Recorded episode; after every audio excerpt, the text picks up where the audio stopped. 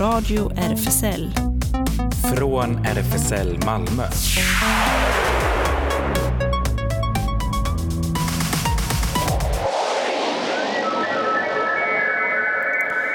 Välkommen till Radio RFSL, Riksförbundet för homosexuellas, bisexuellas, transpersoners, queeras och intersexpersoners rättigheter.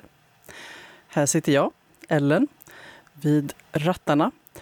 Och idag blir det ännu en, eh, fullspäckat, ett fullspäckat program. Eh, bland annat recension av Så som i himmelen musikalen som Claes och jag var och såg på Malmö Opera i lördags. Claes är tyvärr inte med mig i studion idag, men eh, vi får ändå höra honom i en eh, förinspelad recension som han skickade med till idag. Och Gyllene veckan i Japan som började den 29 april fortsätter till imorgon den 5 maj. Eh, vi får höra lite mer om det. I Japan pågår också körsbärsblomning för fullt i olika, olika mycket i olika delar av landet och därmed hanami, blombeskådning. Eh, vi får en liten prognos också. Och så blir det nyheter och det händer förstås. Men vi ska börja med lite musik. Här kommer Devil's Den med Cacti Road. Välkommen igen.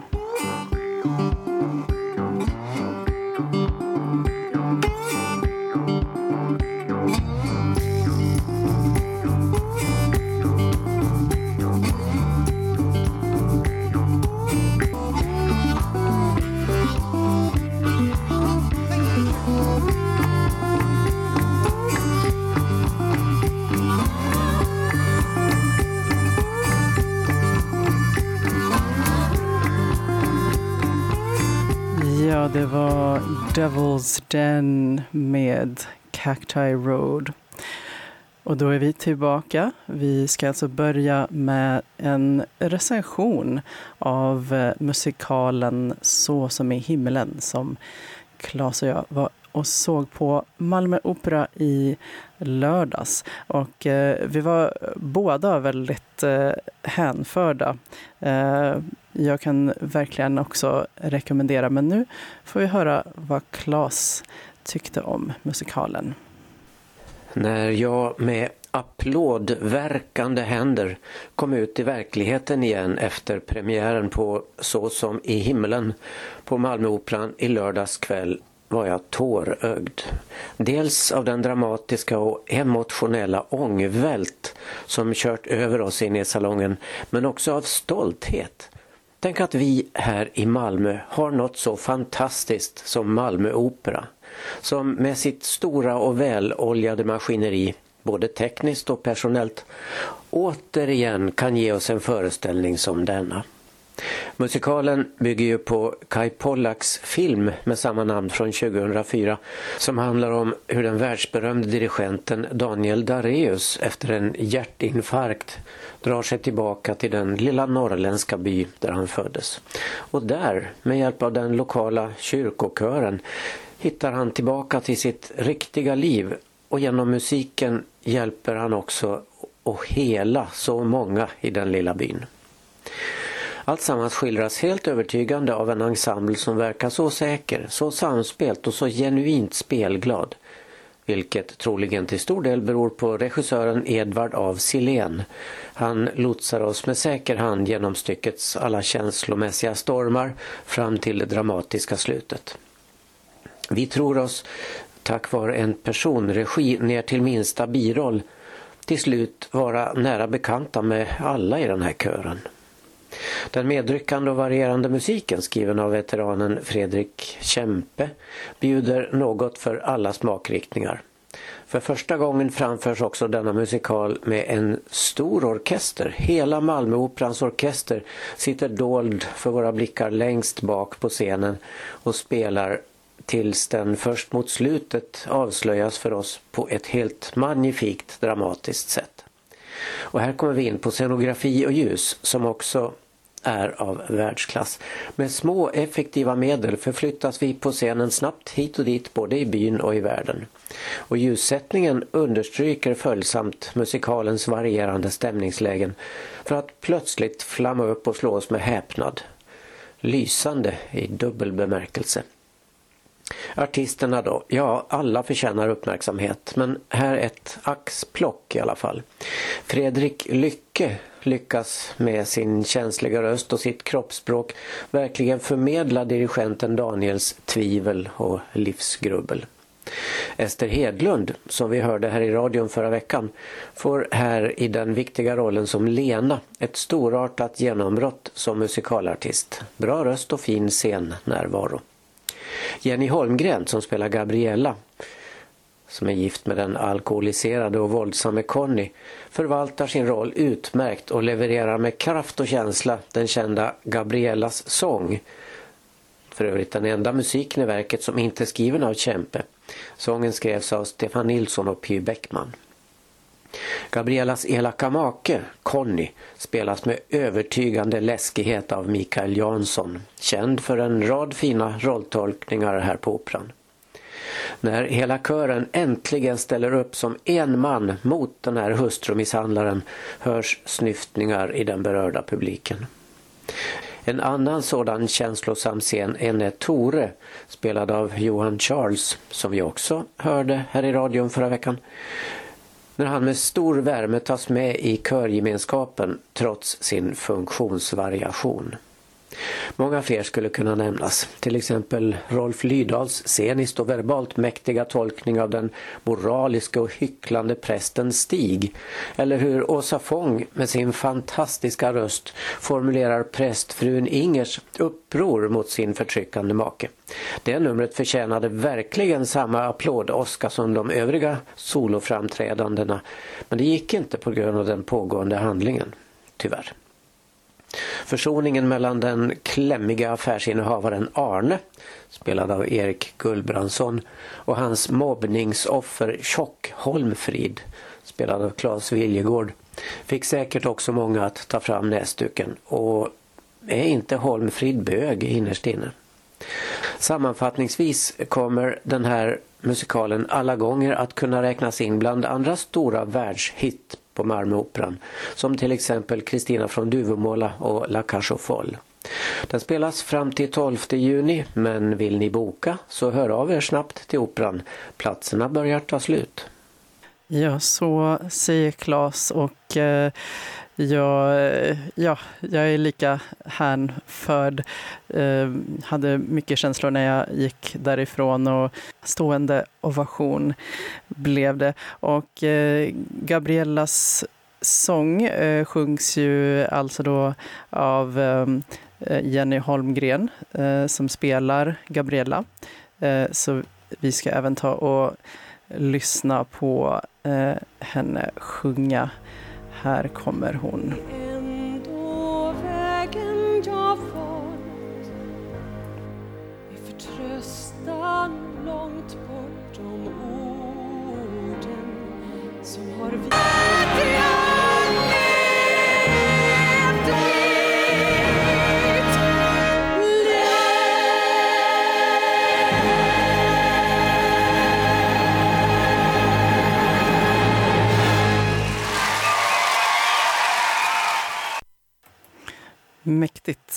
Det.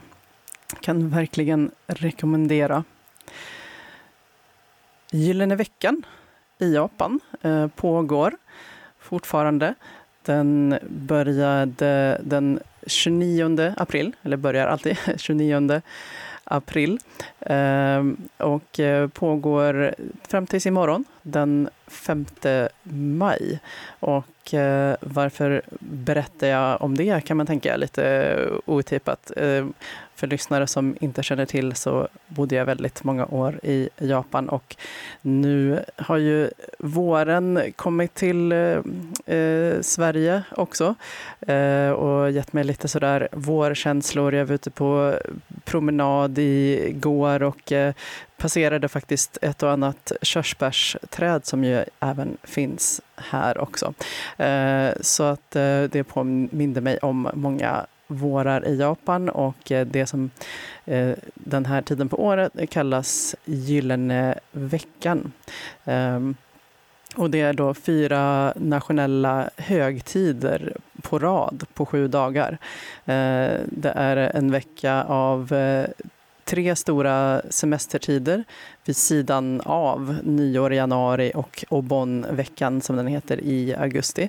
Och det är en period då många japaner passar på att vara lediga och gärna resa någonstans. Eh, men dock kan man ju säga att på turistbyråer och sådär så, så brukar eh, de ju dock avråda. Nu har det i och för sig varit pandemi och jag tror att det är restriktioner och sådär ändå. Men i vanliga fall så brukar de eh, dock avråda att om du ska resa till Japan och kan resa under någon annan tid så avråder vi just den veckan för att det brukar vara eh, kaos. Folk reser kors, kors och tvärs eftersom så många har ledigt från både jobb och skola och många passar på att, eh, eh, ja, om de till exempel jobbar eller pluggar eh, någon annanstans än där de är uppvuxna så kanske de åker tillbaka till eh, ja, den by eller stad där de är uppvuxna, hälsar på släkt och vänner och eh, sådär.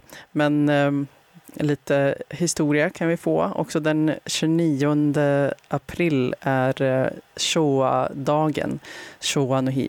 Eh, och det är den eh, förre kejsaren Shoas födelsedag. Han dog 1989. Och eh, den 3 maj, konstitutionsdagen, Kempo Kinembi. Denna dag 1947 började den nya konstitutionen efter andra världskriget att genomföras. Och så har vi då eh, 4 maj, grönskans dag, Midori no hi.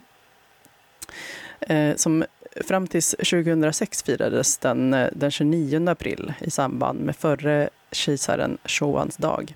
Eh, dagen är ägnad miljön och naturen eftersom kejsaren älskade växter och natur. Och innan den 4 maj utsågs till grönskans dag var dagen en nationell högtid på grund av en lag som slår fast att en dag som infaller mellan två nationella högtidsdagar också blir en nationell högtid. Eh, och så har vi då eh, 5 maj numera barnens dag. Eh, från början så eh, kallades den för pojkarnas dag. Eh, och det finns även en eh, flickornas dag som firas den 3 mars. Eh, och eh, efter andra världskriget ändrades dagen till att bli barnens dag. Eh, så eh, ja, och ehm, en eh, ja, lite intressant grej är, är kanske då att eh, den 4 maj också inofficiellt bland queera i Japan har då, ja, för att den ligger då mellan det som tidigare var pojkarnas och flickornas dag, eh, ja, kan göras om till eh, inofficiellt icke-binäras dag eller queeras dag. Lite sådär inofficiellt. Så att um, vi ska ta och uh, dagen till ära då kan man säga uh, lyssna på en uh, ganska känd J-pop-artist, Hikaru Utada, som nyligen kom ut som icke-binär. Här kommer Face My Fears.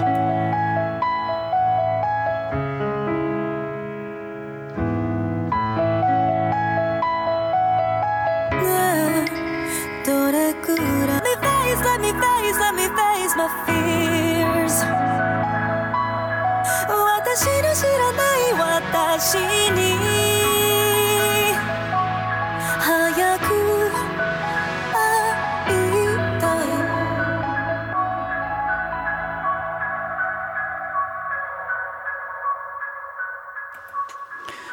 Ja, det var Face My Fears med Hikaru Utada. Och eh, vi fortsätter då. Dagen till ära, det är ju grönskans dag, även känd som, och eh, med körsbärsblomning i många delar av Japan. Eh, jag tog fram en, eh, en liten karta med prognos över eh, de olika tiderna då eh, körsbären väntas slå ut. Och, eh, vad man kanske inte känner till är att det är väldigt olika klimat i norra respektive mellersta och södra Japan. Så att alldeles i, i, eh, i söder så eh, slår körsbärs, eh, körsbären ut som eh, tidigast ehm, oftast redan i, i mitten på mars. Och sen när man rör sig längre och längre norrut så slår de ut senare och senare så det blir mot april och, och eh, till och med in på maj. Eh, allra senast eh, slår körsbären oftast ut i östra Hokkaido. Hokkaido är alltså den Japans nordligaste ö där jag bodde. Och jag bodde på i eh, Sapporo som är um, den största stan på, uh, på um, Japans nordligaste ö. Och där eh, enligt den här prognosen i kartan så började ehm, körsbären slå ut ganska nyligen i, i slutet på april, eh, 26 april står det.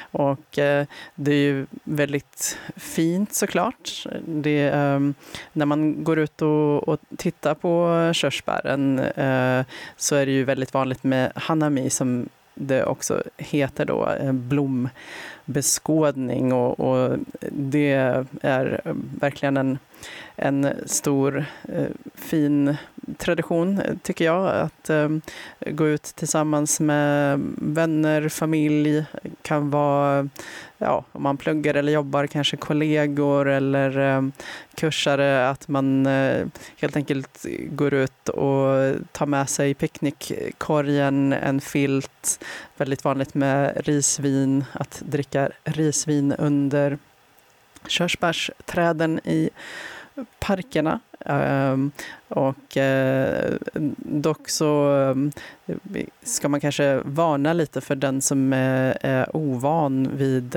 dels om man dricker nu och vid risvin om man inte är van. För man, man kan lätt luras att tro att alkoholhalten är mycket lägre än vad den är. Många risvinssorter smakar, kan vara ganska söta så man, man tycker liksom oj, det här är som juice. Liksom.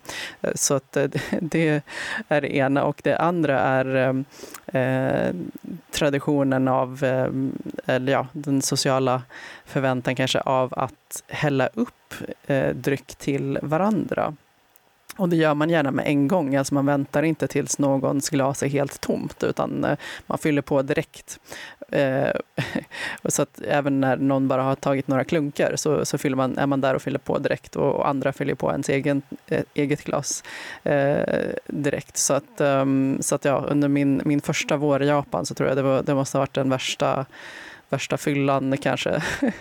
um, dock värt det skulle jag säga, för det var väldigt uh, trevligt. Men det, det kan man ju um, uh, för dig som planerar att åka uh, till Japan och kanske spendera någon vår där, så, så se upp för um, risvinet som är mycket alkoholhaltigare än vad man kan tro.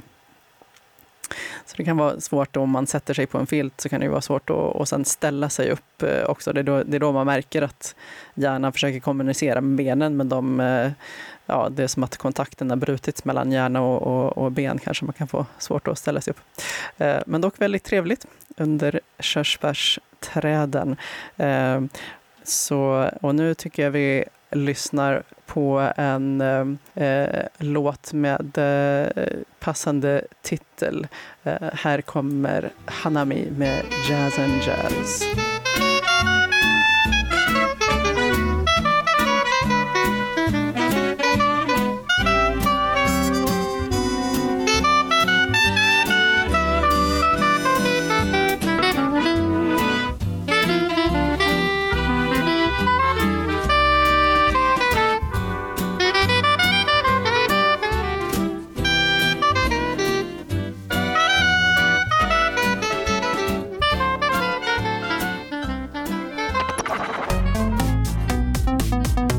Radio RFSL Nyheter.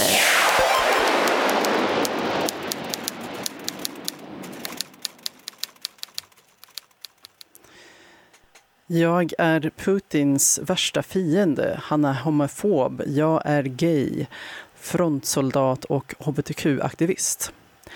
Jag slåss både för min egen och Ukrainas frihet, för vårt lands suveränitet och för våra värderingar. Det säger den ukrainske sergeanten Boris Chrachov till QX-reporten Donald Boström i ett stort reportage som man kan hitta på qx.se. Boris slår sig ner på andra sidan bordet och ber med ett leende om ursäkt för att han är från Poltava. Platsen där Karl den sjunde och den svenska armén förlorade i ett fruktansvärt blodigt slag 1709. 10 000 svenskar miste livet och den svenska stormaktstiden tog slut. Idag 300 år senare slåss den, det ukrainska folket mot Rysslands Putin-armé i området runt Poltava. Boris Rakov deltog redan under kriget i Donbass 2015 till 2016 som sergeant och sjukvårdare med en styrka på 150 personer. Boris pojkvän strider i armén med kaptensgrad. I min militära enhet är vi tre gaykillar. I hela armén är vi tusentals hbtq-soldater som kämpar för landets frihet. Två av oss är transgender. Att kvinnor och gaypersoner deltar i armén har haft en stor betydelse för jämlikheten i hela samhället. Till och med vissa ords maskulin form har ändrats till eller kompletterats med en feminin form. Men vad Ukraina behöver från omvärlden för att vinna kriget mot mörker och homofobi är tunga vapen och mediciner, säger Boris. Kolla hela reportaget på qx.se. Den 21 april invigdes ett regnbågstorg i Oslo för att markera att det nu är 50 år sedan samkönat sex avkriminaliserades i Norge. Men torget hann inte ens stå stolt i tio dagar innan det vandaliserades. Det var tre år sedan det bestämdes att Oslo skulle få ett eget regnbågstorg, eller Regnbågplassen som det kom att heta. Förslaget fick stort stöd och samtliga i kommunfullmäktige röstade ja, berättar QX. Man valde en symbolisk plats i skärningen mellan Stortinget, slottet och Stadshuset. Här ställdes regnbågsbänkar upp bland regnbågsrabatter och det fanns planer för en flaggstång eh, där Prideflaggan skulle vara hissad 365 dagar om året med start från Oslo Pride i juni.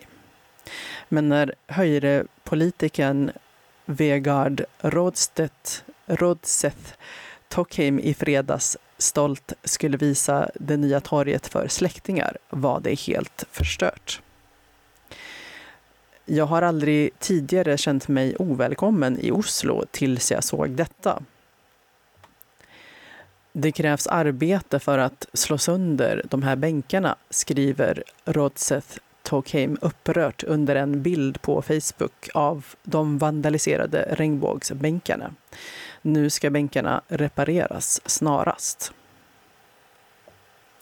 I höst är det fotbolls-VM i Qatar. Ett event som föregåtts av mycket kritik, framförallt på grund av Qatars behandling av migrantarbetare som byggt landets nya arenor. Men kritiken har också gällt frågan om rättigheter för hbtq-personer eftersom homosexualitet är straffbart i Qatar och regnbågsflaggan inte är tillåten. Flera röster har hörts för att bojkotta fotbolls-VM på grund av behandlingen av hbtq-personer, bland andra Centerledaren Annie Lööf.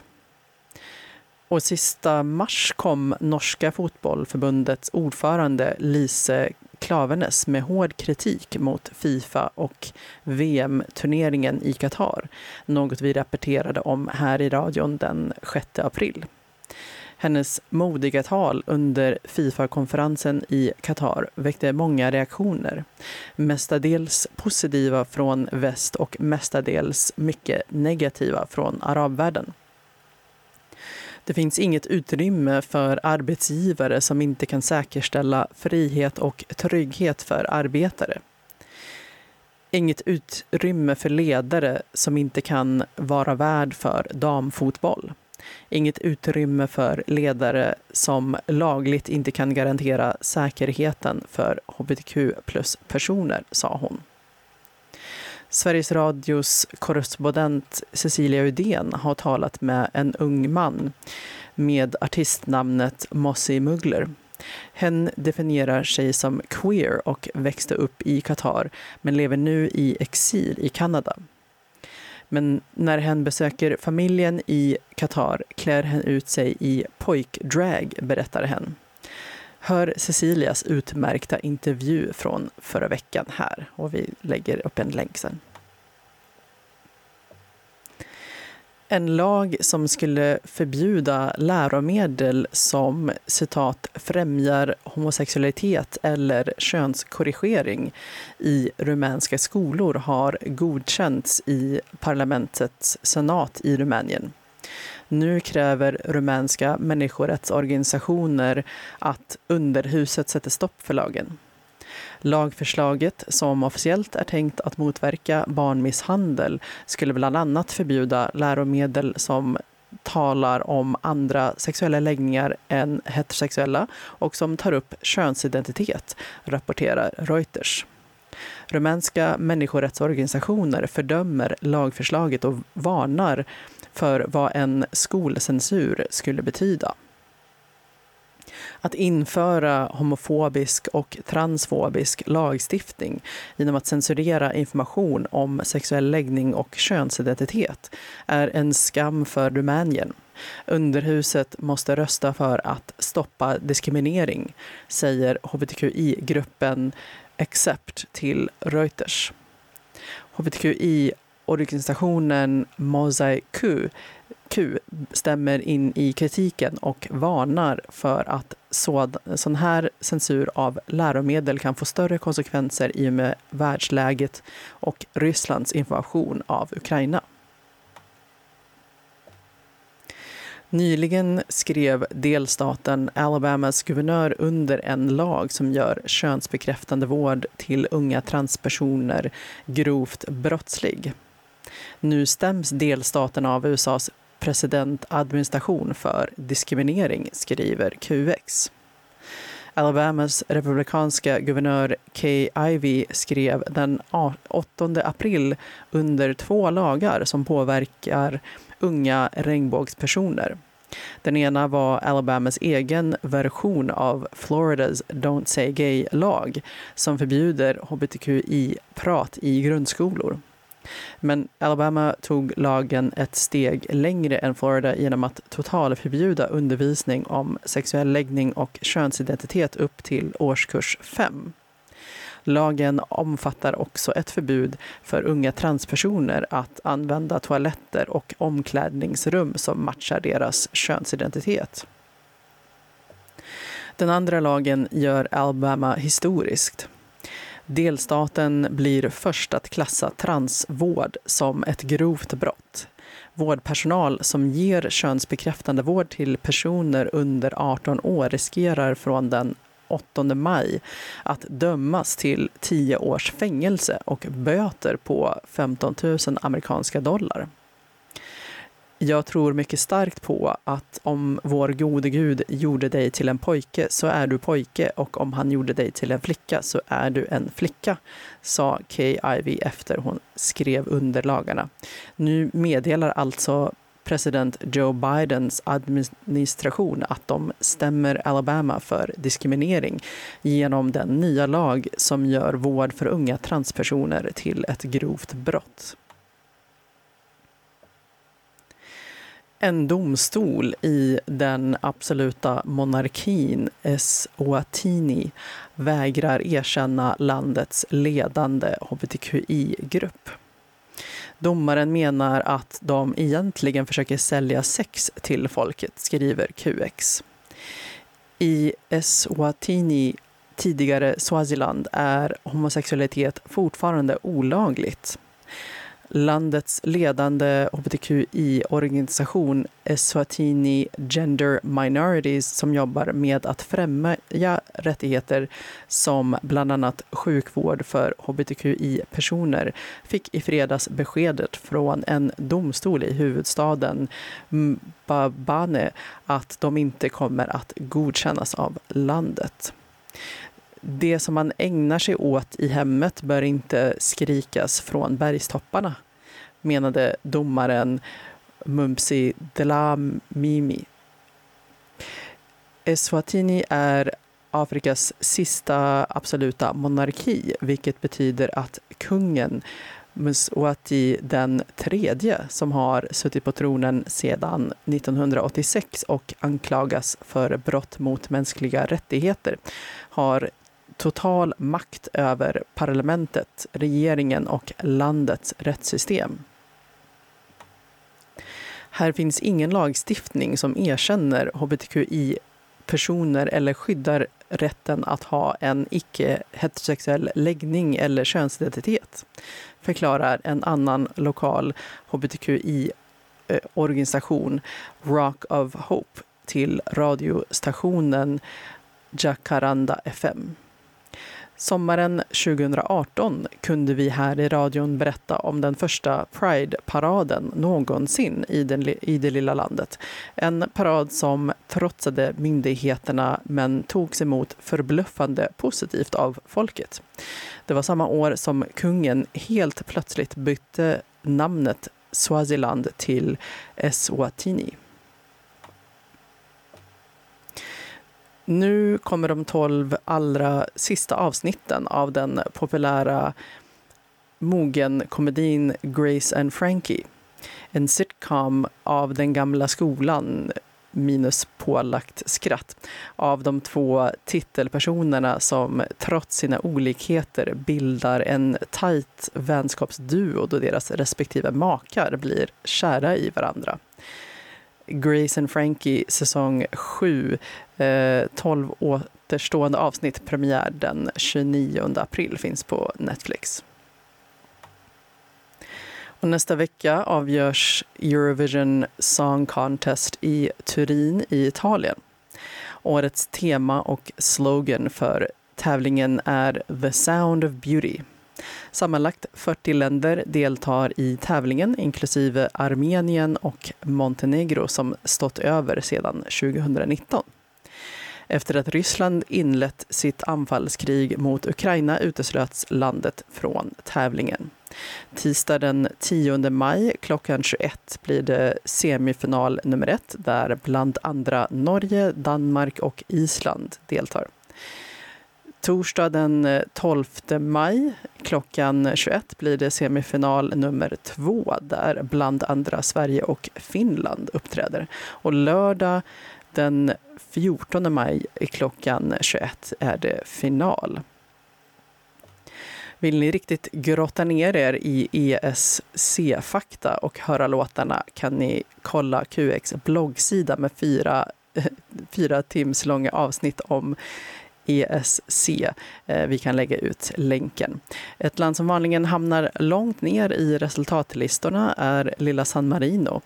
Eh, men eh, i år ligger det mycket bättre till i förhandstipsen. Låten heter Stripper och framförs av Achille Lauro. Är det The Sound of Beauty? Well, skönheten ligger ju i betraktarens öga, eller kanske öra brukar det ju heta. Här är um, Achille med Stripper. Questo strip club. Fidi di me, che stupido uomo Ma che stupida voglia Ma che stupida voglia Metto la gonna più corta che ho E vado fuori, ah, e vado fuori di me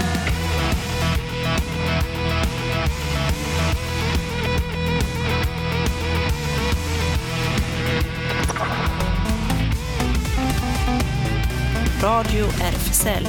Det händer!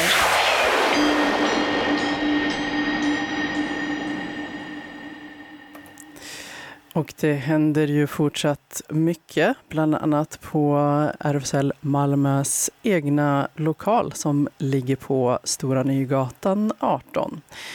Man kan eh, kolla in våra sociala medier på Facebook, Insta och Twitter och eh, lokalen är väldigt fin att besöka. Vi har öppet café tisdagar och torsdagar 13 till 16 och på lördagar klockan 13 träffas Space Malmö i lokalen för umgänge och spel av olika slag. Kika gärna förbi för lite Aspec Company. Alla inom det aromatiska och asexuella spektrumet är välkomna. Också på onsdag eh, träffas Queer Kids 10.30 till 13. Eh, välkomna på öppen förskola för queer-familjer, säger de. Nu på söndag den 8 maj eh, klockan 15 till 17 eh, blir det träff igen för BiPan-nätverket och Newcomers kaféverksamhet på fredagar 15 till 19 är eh, mycket populärt och välbesökt. Eh, det blir lite extra speciellt just den här fredagen för då är det dessutom Latin Dance Hall. Join a Latin dance class and hang out with us, eh, säger de seniorevenemangen eh, fortsätter vissa söndagar. Vill du hänga med och få veckomejlet så hör av dig. Det är bara att mejla till senior malmo.rvsl.se. Och Habitat Q, ungdomshänget, fortsätter måndagar och torsdagar 17 till 20. Eh, kolla på Facebook eller Insta. På Insta är det snabel habitat understreck Q och DMa för att veta var man träffas. Målgruppen är eh, hbtqi plus ungdomar 13 till 19. Eh, filmer på Dark Lounge, eh, Babli vår, fyra av dem med hbtq-tema. Eh, den 10 maj visas eh, Three Strangers om ett osannolikt queer-par i Myanmar. Och den 12 maj, torsdagen den 12 maj 18 till 21 eh, kan man eh, också eh, besöka lokalen. Då blir det levande bokcirkel för dig som är bi eller pan. Alla har en berättelse om sig själv, vare sig vi är 14 eller 90 år. Nu vill vi höra din levande bokcirkel för dig som är bi eller pan. Ett arrangemang av RFSL Rådgivningen Skåne och RFSL Malmö tillsammans med Ingela Stej Strål, Strålbrand, eh, lektor och biaktivist. Och eh, nu på lördag 10 till 14 firas Regnbågsfamiljernas dag med Queer Kids och Anna Jadeus i Enskifteshagen. Eh, det är alltså lördag den eh, 7 i femte. Eh, den 2 maj är det regnbågsfamiljernas dag, en dag att fira att alla familjer ser olika ut och eh, att mötas i glädjen att vi är queer. Eh, så Enskifteshagen alltså, lördag 10 till 14 den 7 maj. Och Refugees Welcome Sverige fortsätter med sin insamling för att hjälpa personer som flyr från Ukraina just nu. Pengarna kommer att användas till boende, bensin och andra förnödenheter. Ni hittar mer information på deras Facebook-sida och Swish-nummer för donationer är 123 634 40 89. SLM Malmö håller till på Sallarepsvägen 30. Det är eh, medlemsklubb eh, bara för män. Tisdagsklubben är öppen 20 till 24 men dörren stänger 22. Och på lördagar är klubben öppen 22 till 02 men dörren stänger vid midnatt. Ehm, och eh, just imorgon, torsdag, så Eh, är SLM eh, öppet för alla som identifierar som bi, pan eller polyamorösa. Eh, så här står det. Är du bi, pan eller polyamorös? Välkommen till SLM Malmös första bisexual party. Ingen klädkod, ta det du känner för. Entré är 60 kronor och inget medlemskap krävs. Eh, och så glöm inte då Eurovision Song Contest nästa vecka. Datumen att hålla reda på är eh, 10 maj, 12 maj och eh, 14 maj.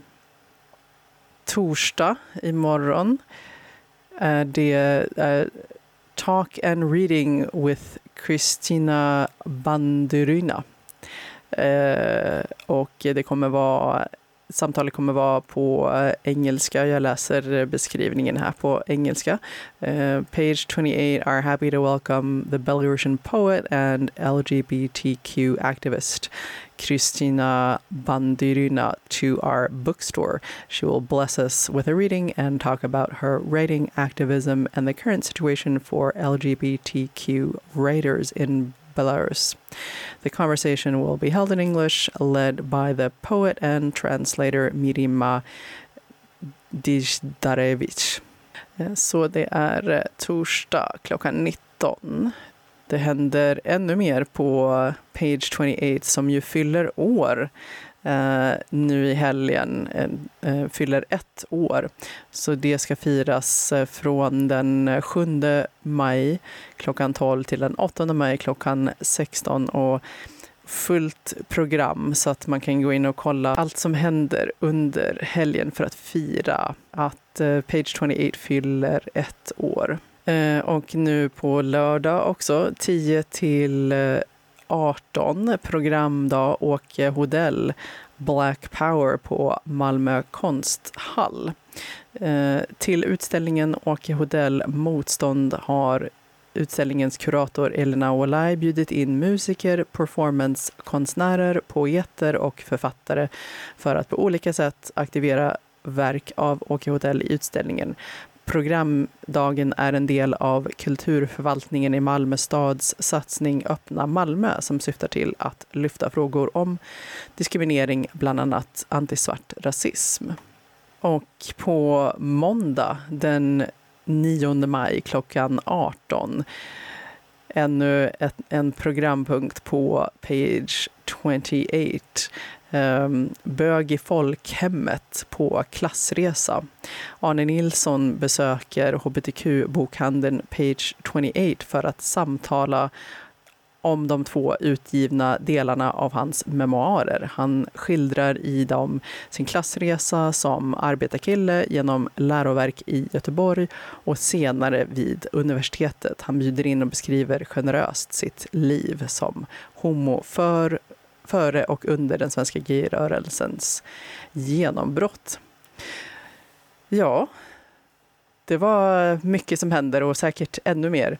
Eh, men eh, apropå regnbågens dag, som också skulle, regnbågsfamiljers dag som också ska firas, eh, så kan vi gunga ut ur dagens sändning med Nemesis av Anna Jadeus Eh, and the Miracle Orchestra. Hej så länge!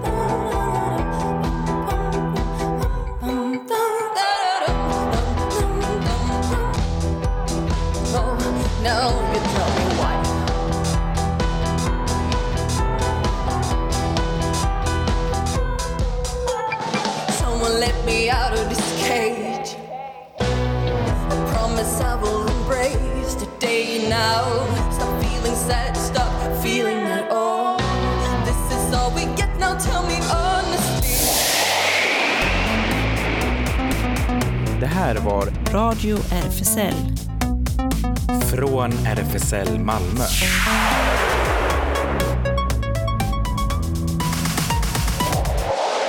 Kolla in Radio RFSL på Instagram och Facebook för mer information.